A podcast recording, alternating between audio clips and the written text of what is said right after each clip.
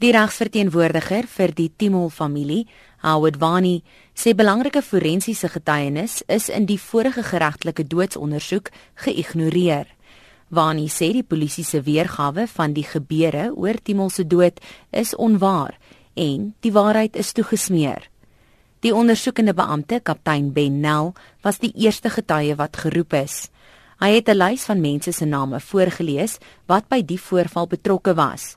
Meeste van die persone is reeds dood. Die tweede getuie is Dr Salim Esop. Hy is saam met Timol in Oktober 1971 in hegtenis geneem tydens 'n padblokkade toe politieke pamflette in hul voertuig gevind is.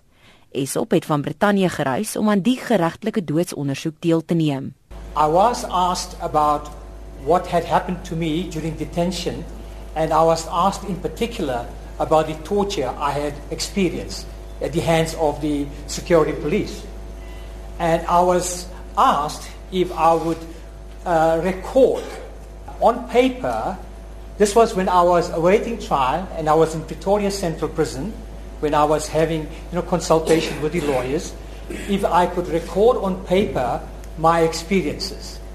And I did that quite willingly. I even drew sketches, sort of matchbook type of uh, sketches about you know, the torture experience, different interrogators uh, involved.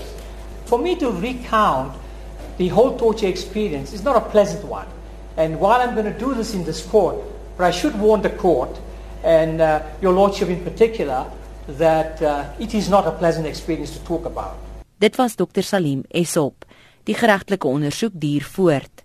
Ek is Melissa Tuggie vir SAK nuus.